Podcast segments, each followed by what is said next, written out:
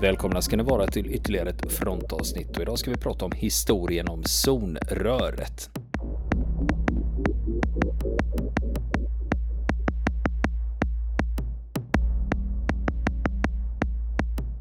Ja du Niklas, eh, du började ju prata om zonrör i förra avsnittet. Ja, denna eh, allmänbildande mission som vi är ute på just nu för att tala om eh, tekniska uppfinningar som man kanske inte alltid tänker på sådär i, i första hand, men som, eh, som fick en väldigt stor betydelse när de väl infördes.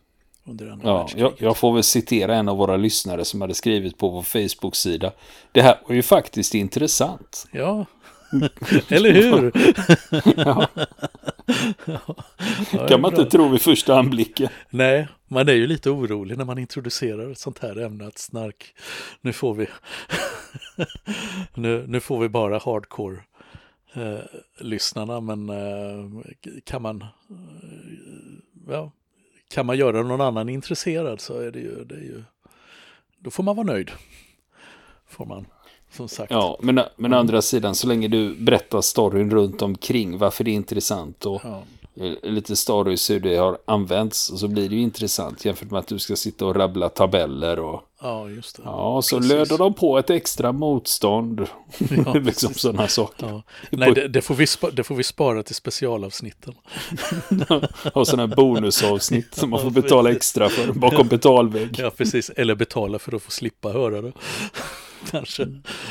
Ja, så är det, så är det. Nej, men som sagt, vi berättade ju i förra avsnittet om utvecklingen av zonröret och om eh, den amerikanska forskaren Merle Tuve då och hans eh, forskarteam, sektion T då, som, vilket som mest bestod av ett tusental forskare och ingenjörer som höll på att arbeta med det här, eh, med den här uppfinningen då, eh, som revolutionerade artilleriet då. Och som kanske även var världens första smarta vapen. Och eh, elddopet när det gällde zonröret i flottans, den amerikanska flottans luftvärnsartilleri, det skedde den 5 januari 1943.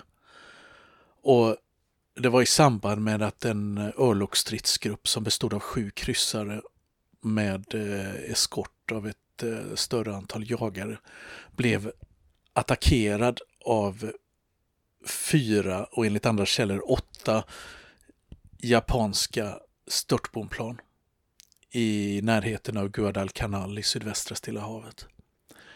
Eh, och i samband med den här attacken då så öppnade den amerikanska kryssaren Helenas eh, luftvärnsartillerister eld mot eh, de här störtbombplanen.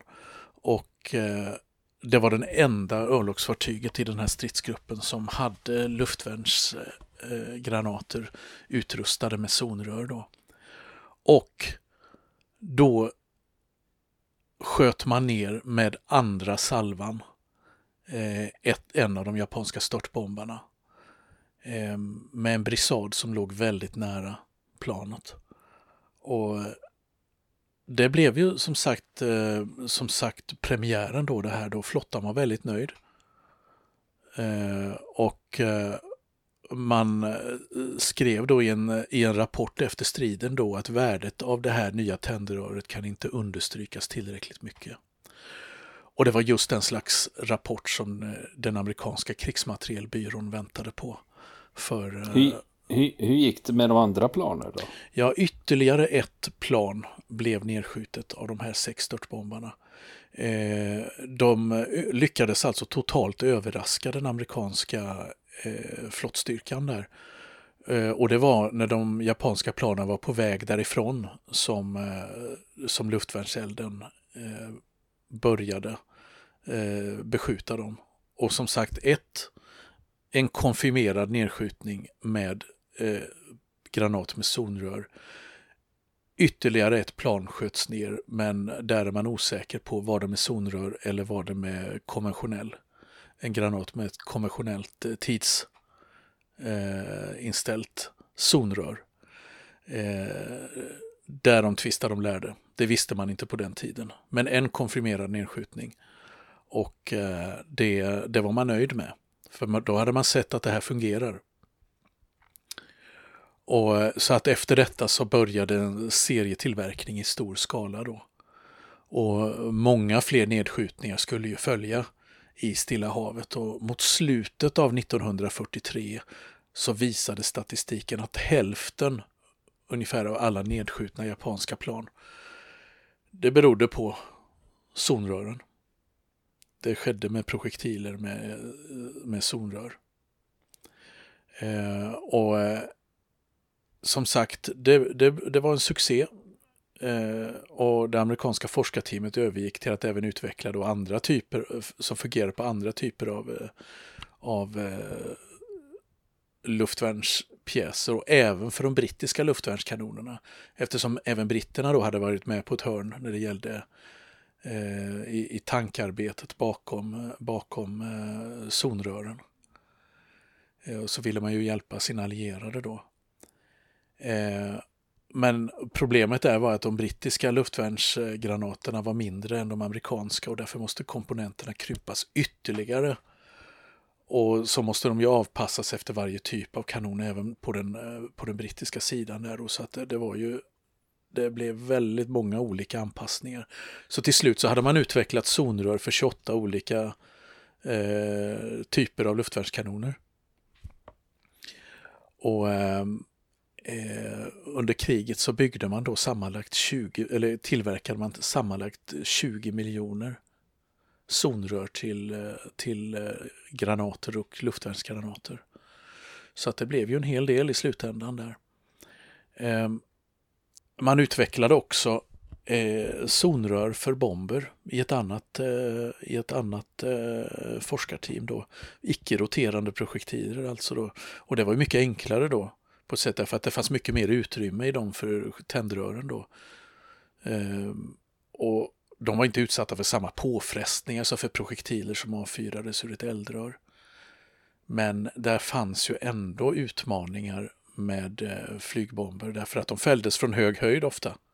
Och vad, hur är det på hög höjd? Jo, det är ofta jäkligt kallt. Så kylan var en utmaning. Eh, för att där skulle ju eh, tändröret också fungera. Batteriet, batteriet i, i zonröret det kunde ju frysa på höga höjder och det gällde att förhindra det. Och det löste man genom att sätta in en liten propeller i miniatyr eh, i, i, på bomben. Då. Och när bomben föll så började den här lilla propellern rotera och den drev i sin tur en turbin inne i tändröret som, till, som i sin tur gav ström åt radiosändaren och mottagaren i tändröret.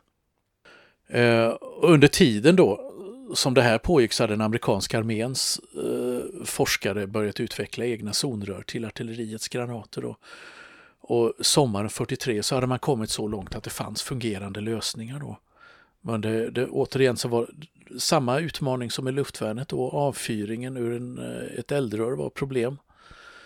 Eh, och det gällde att lösa det här då. Och, eh, ett annat problem var med haubitsarna då att man hade varierande drivladdningar för varje granat. Eh, beroende på liksom, eh, hur långt du skulle skjuta. Och så man var tvungen att räkna, räkna, ut, räkna med 29 olika hastigheter och med tillhörande varvtal på granaten när den roterade. Då. Eh, så att det fanns mycket, många olika variabler att ta hänsyn till. Och man var inte heller säker på vad som var bästa höjden för luftbrisader för artillerigranater. Så man, då testade man att placera ut eh, trä och pappskivor på marken under projektilen då för att undersöka splittrens mönster. Och då kom man fram till att den optimala höjden varierade med artilleripjäsens kaliber. Så de vanligaste fälthaubitsarna på, som hade 10,5 cm och 15,5 cm kaliber, där, där visade sig att den optimala höjden var 10, centimeter, eller 10 meter över marken. Men för en haubits med 24 cm kaliber så då var det 20 meter över marken så var den lämpliga höjden för, eh, för eh, brisaden då. Och 44, 1944 så hade man då effektiva zonrör för de flesta pjästyperna inom armén. Men det fanns ju en hake. Kommer du ihåg vilken? Ja, det var ju det att fienden kan lägga rabarber Exakt, på dem. man fick inte använda dem. Amerikanska armén fick inte använda sina zonrör man hade utvecklat. För det fanns en order som flygvapnet hade drivit, framtvingat om att granater med zonrör endast fick avfyras över vattenytor. Över havet alltså. Just för att de inte skulle falla i eh, fiendens händer om de inte detonerade. Så det hände alltså under landstigningen på Sicilien 1943 att en blindgångare från den amerikanska invasionsflottans luftvärn hamnade på land. Varvid man från den amerikanska styrkan skickade ut en specialpatrull som tog sig i land för att hitta den så att den inte hamnade i tyskarnas eller italienarnas händer. Eh, och det gick ju att lösa där men så småningom så, så kom det alltså bli rätt omöjligt att, att, omöjligt att åtlyda den här orden. Eh, det var alltså omständigheterna som gjorde den här orden föråldrad. Men, eh, men som sagt, eh, masstillverkningen var i full gång då 1943 och 44 av, av zonrör av olika typer. Då. Och man, som ett mått på det, vad det innebar kan man säga att 1942 så var kostnaden, tillverkningskostnaden då för ett zonrör 732 dollar per styck. Men vid krigsslutet 20 miljoner zonrör senare så hade kostnaden sjunkit till 18 dollar per styck. Så det är ju en viss skillnad. Eh, men då bortsett från Stilla havet då, och de första insatserna av eh, flottans, amerikanska flottans luftvärn så kom zonrören i, hos, hos luftvärnet, både det amerikanska och brittiska, att göra succé sommaren 1944 när tyskarna började skjuta V1 robotar över London. Och V1, ja, det vet vi, det, är ju, det var ju ett av Hitlers mirakelvapen och det är ju föregångaren till kryssningsroboten. Mm. Vi har ju faktiskt eh, pratat en hel del om V1 och det var ju när vi pratade om V1 och V2 som hade landat i Sverige. Så vi har ju ett avsnitt som heter V1 och V2 i Sverige. Och då går vi igenom ganska mycket av tekniken. Precis. Och den hade ett speciellt ljud då, så den kallas ju buzzbombs. För att eh, motorn surrade på ett väldigt karaktäristiskt sätt. Lät lite som en moped nästan. Eh, och eh, det här, den här offensiven med V1 då, det var ju terrorbombningar. Det var två och en halv månads terror sommaren 1944 mot London eh, med de här vapnen då. Och eh, de var svåra att skjuta ner för, eh, för det brittiska luftvärnet. Eh, och RAF försökte också med, med sina jaktplan flyga i kapp och skjuta ner dem eller helt enkelt eh, eh de skickligaste piloterna eh, tippa, försökte tippa dem ur kurs. Då. Eh, så att då beslutade man sig för att eh, tilldela eh, både det brittiska och det amerikanska luftvärnet i Storbritannien. Eh, det fanns ett antal amerikanska luftvärnsbatterier. Eh, Luftvärnsprojektiler med zonrör. Och eh, de här luftvärnsbatterierna de koncentrerades till den brittiska kusten i söder och sydväst, eller sydöst. Just för att de skulle skjuta ut över havet och att det inte skulle hamna någonting i orätta händer någonstans. Man följde ju fortfarande order, man får bara avfyra det över vatten. Och, eh, men det blev en succé. För på den månad, under den månad då i slutet av den här V1-offensiven då man använde eh, luftvärnsgranater med zonrör så gick man från att skjuta ner 24 procent av V1 första veckan till nästan 80 procent under fjärde veckan. Så under den sista dagen av de storskaliga V1-offensiven då så var det bara fyra av 104 vieter eh, som lyckades nå sina mål i London. Och eh, om man tittar på det, på det hela taget så var det ett antal eh, veter som blev eh, nedskjutna av eh, RAF. Eh, några stycken eh, förstördes av eh, eh spärrballonger. Krockade med spärrballonger. Eller på annat sätt, men huvuddelen var alltså luftvärnets förtjänst tack vare eh, zonrören. Och brittisk luftvärnspersonal som inte var invigda i hemligheter med de här zonrören och även då annat luftvärns, äh, luftskyddspersonal och så vidare som, eh, som blev vittnen till det här. De, blev, de var förundrade över, över de här eh, granaternas effekt. Alltså, de visste ju inte att det var själva granaterna som, i granaterna som hemligheten satt. För de, eh, tidigare så hade det brittiska luftvärnet skjutit tusentals projektiler mot vetarna utan att mm, träffa dem mer än med eh, en lyckoträffar. Då. Och så eh, berättas bland annat om en anekdot då, om en eh, amerikansk eh, eh, besättning då till en luftvärnspjäs då, som sköt ner fyra v i följd med åtta granater. Och några britter som blev ögonvittnen till detta då ur ett brittiskt luftvärnsmanskap frågade amerikanerna vad, vad, vad, är det, vad är det som händer?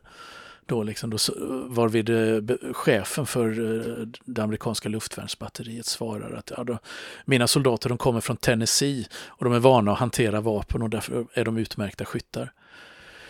Så att, eh, ja, det var ju en liten vit lögn för man fick ju inte prata om det här då. Det var ju, det var ju hemligt så att säga för de oinvigda. Mm.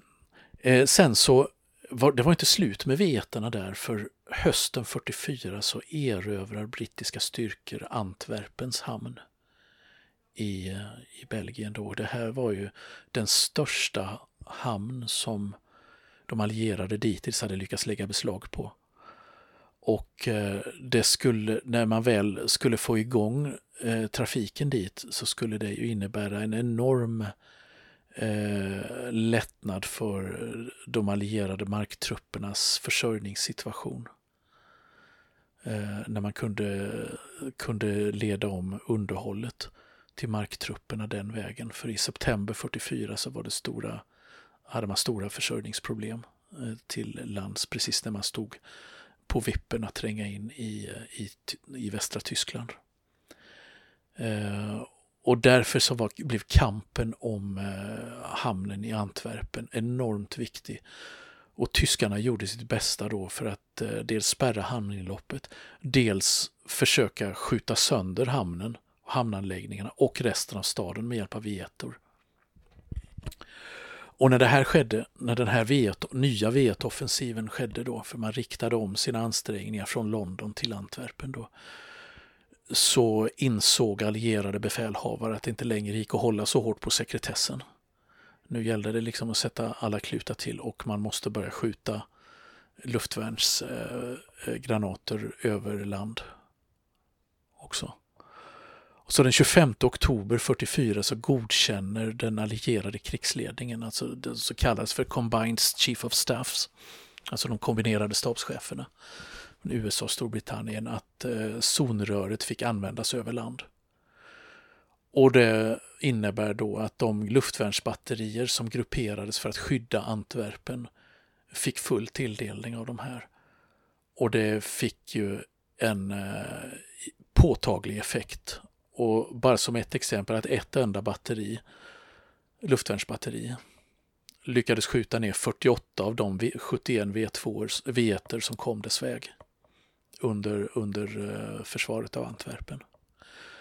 Och totalt räknat så, så eh, handlar det om eh, drygt 2000 V1 som sköts ner med luftvärns, av luftvärnsartilleri som eh, tack vare zonröret. V2 däremot, det var förstås omöjligt. Det är en helt annan historia. Eftersom de, eh, de kom utan förvarning i överljudsfart från den yttre atmosfären.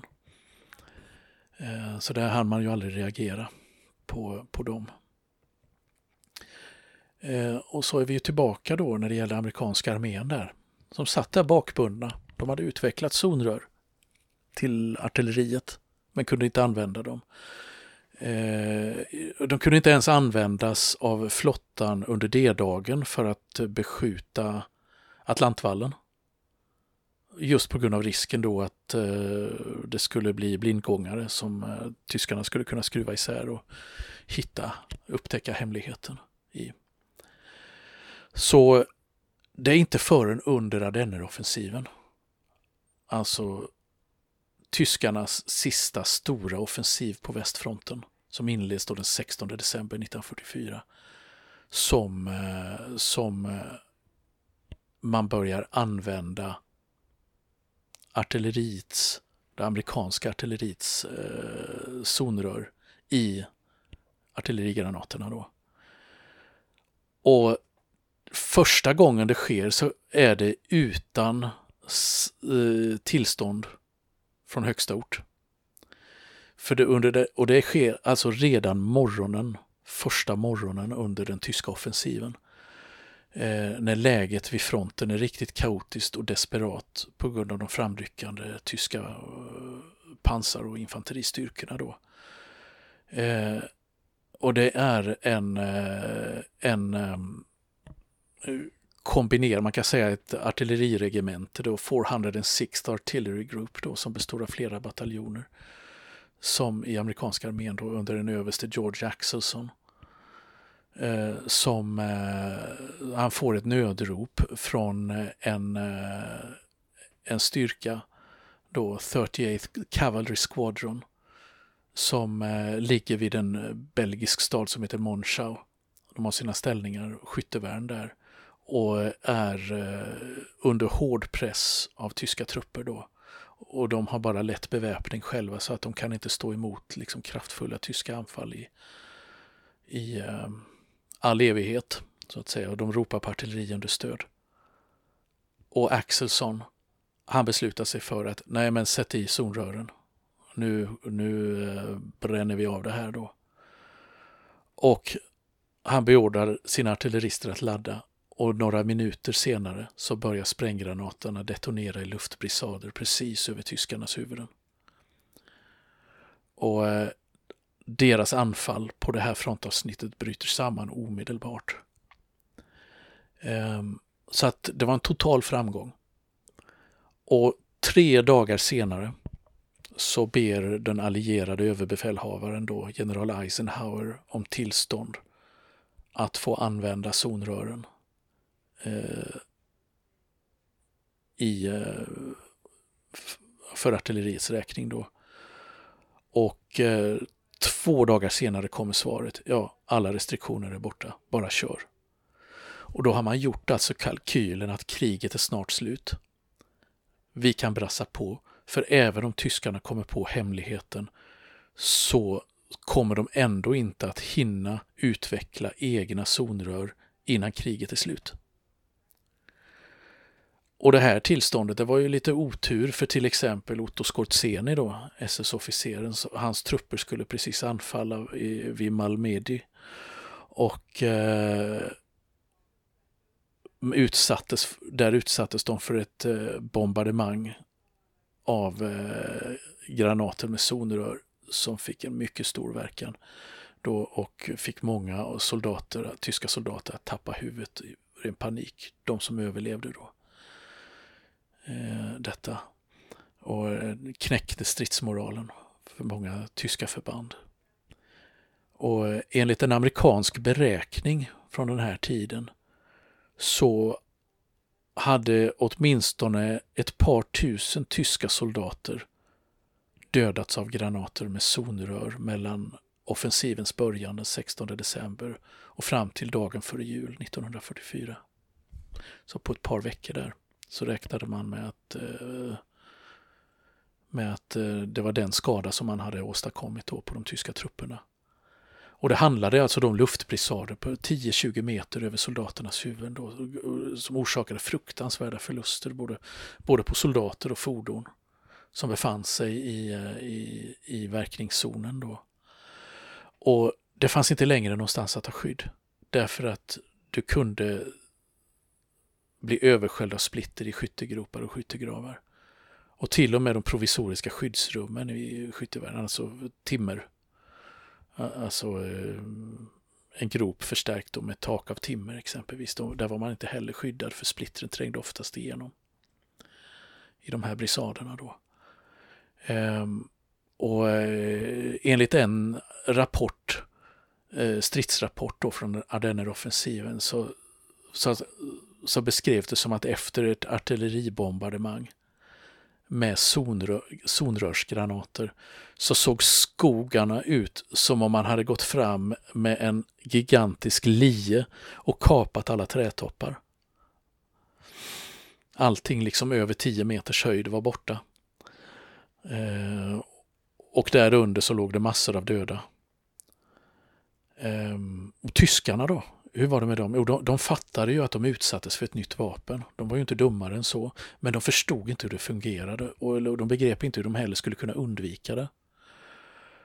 Och, eh, eh, men det var, man hittade då den amerikanska militära underrättelsetjänsten kom över en tysk order då. Eh, som i princip var, utlyste en belöning för den soldat som lyckades lägga vantarna på en intakt eh, amerikansk granat som man egentligen skulle kunna undersöka och se vad 17 är det här. Eh, vad är det som finns där inne? Eh,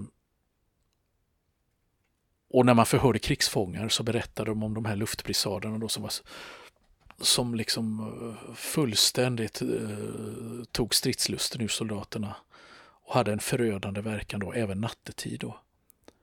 Och en bonuseffekt av de här luftbrisaderna var att de också skar av de tyska telefontrådarna. Så att man förstörde sambandet många gånger för eh, de tyska staberna. För jag tänkte på eh, det, som, det artilleriet som tyskarna hade här. Mm. Där var det vanligt med trädbrisader. Ja, just det. Eh, just det att de, de slog i trädtoppar Exakt. och smällde.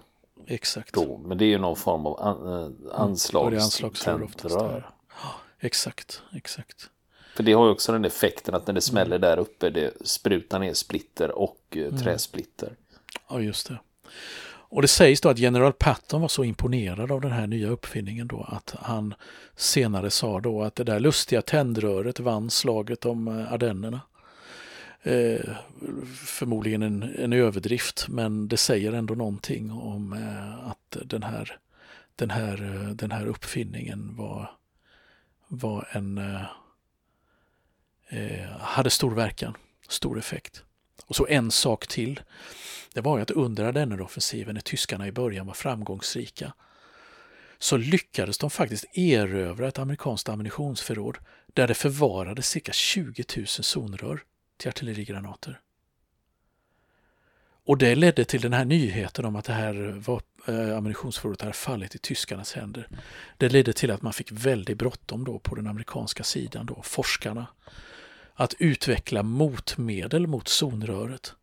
Nämligen en apparat som kunde störa ut zonrörens signaler. Och en sån var redan på gång innan eh, Ardenneroffensiven hade utvecklats men nu började man snabbtillverka sådana här för att placera i amerikanska bombplan. Och innan krigsslutet så fanns det 200 sådana apparater placerade i amerikanska bombplan. För att eh, störa ut eh, luftvärnsgranater med zonrör om tyskarna händelsevis skulle kunna hinna utveckla sådana. Men grejen var då eh, att eh, tyskarna inte fattade att de hade fått tag i de här i hemligheten. Att de hade den mitt framför näsan. Vilket, för de trodde att det här var ju, det här var ju tändrör som alla andra. Eh, därför att man på den tyska sidan var övertygad om att man inte skulle kunna utveckla zonrör. Man hade ju haft den idén på den tyska sidan också men inte lyckats. Och därför trodde man inte heller att amerikanerna skulle kunna klara det. Så hemligheten, den bevarades trots allt. Ändå så kan man säga då att trots de här framgångarna då och Eh, i de här framgångarna kan man också säga att under, under framryckningen inne i Tyskland efter Ardenneroffensivens eh, misslyckande så lyckas det amerikanska luftvärnet att eh, skjuta ner ett tusental tyska flygplan. fram till krigsslutet på grund av, på grund av zonrören. Då. Ehm, men trots alla de här framgångarna så kan man ändå säga att, eh, att utveck, uppfinningen av zonröret då hade en relativt begränsad effekt på kriget i Västeuropa eftersom man inte började använda dem då förrän i slutet av 1944. Men som vi ska visa i nästa avsnitt så kom de att få en väldigt stor inverkan i Stilla havet. Mycket större än i, i Europa. Och där det kommer att, de kommer att bli de stora amerikanska örlogsfartygens räddning i kampen mot de japanska självmordsbombarna. Vill ni komma i kontakt med oss så kan ni göra det via vår Facebook-sida som heter Fronten. Det är inga problem för er att leta er fram där. Eller också så mejlar ni på vår mejladress och det är frontenpodcast.gmail.com.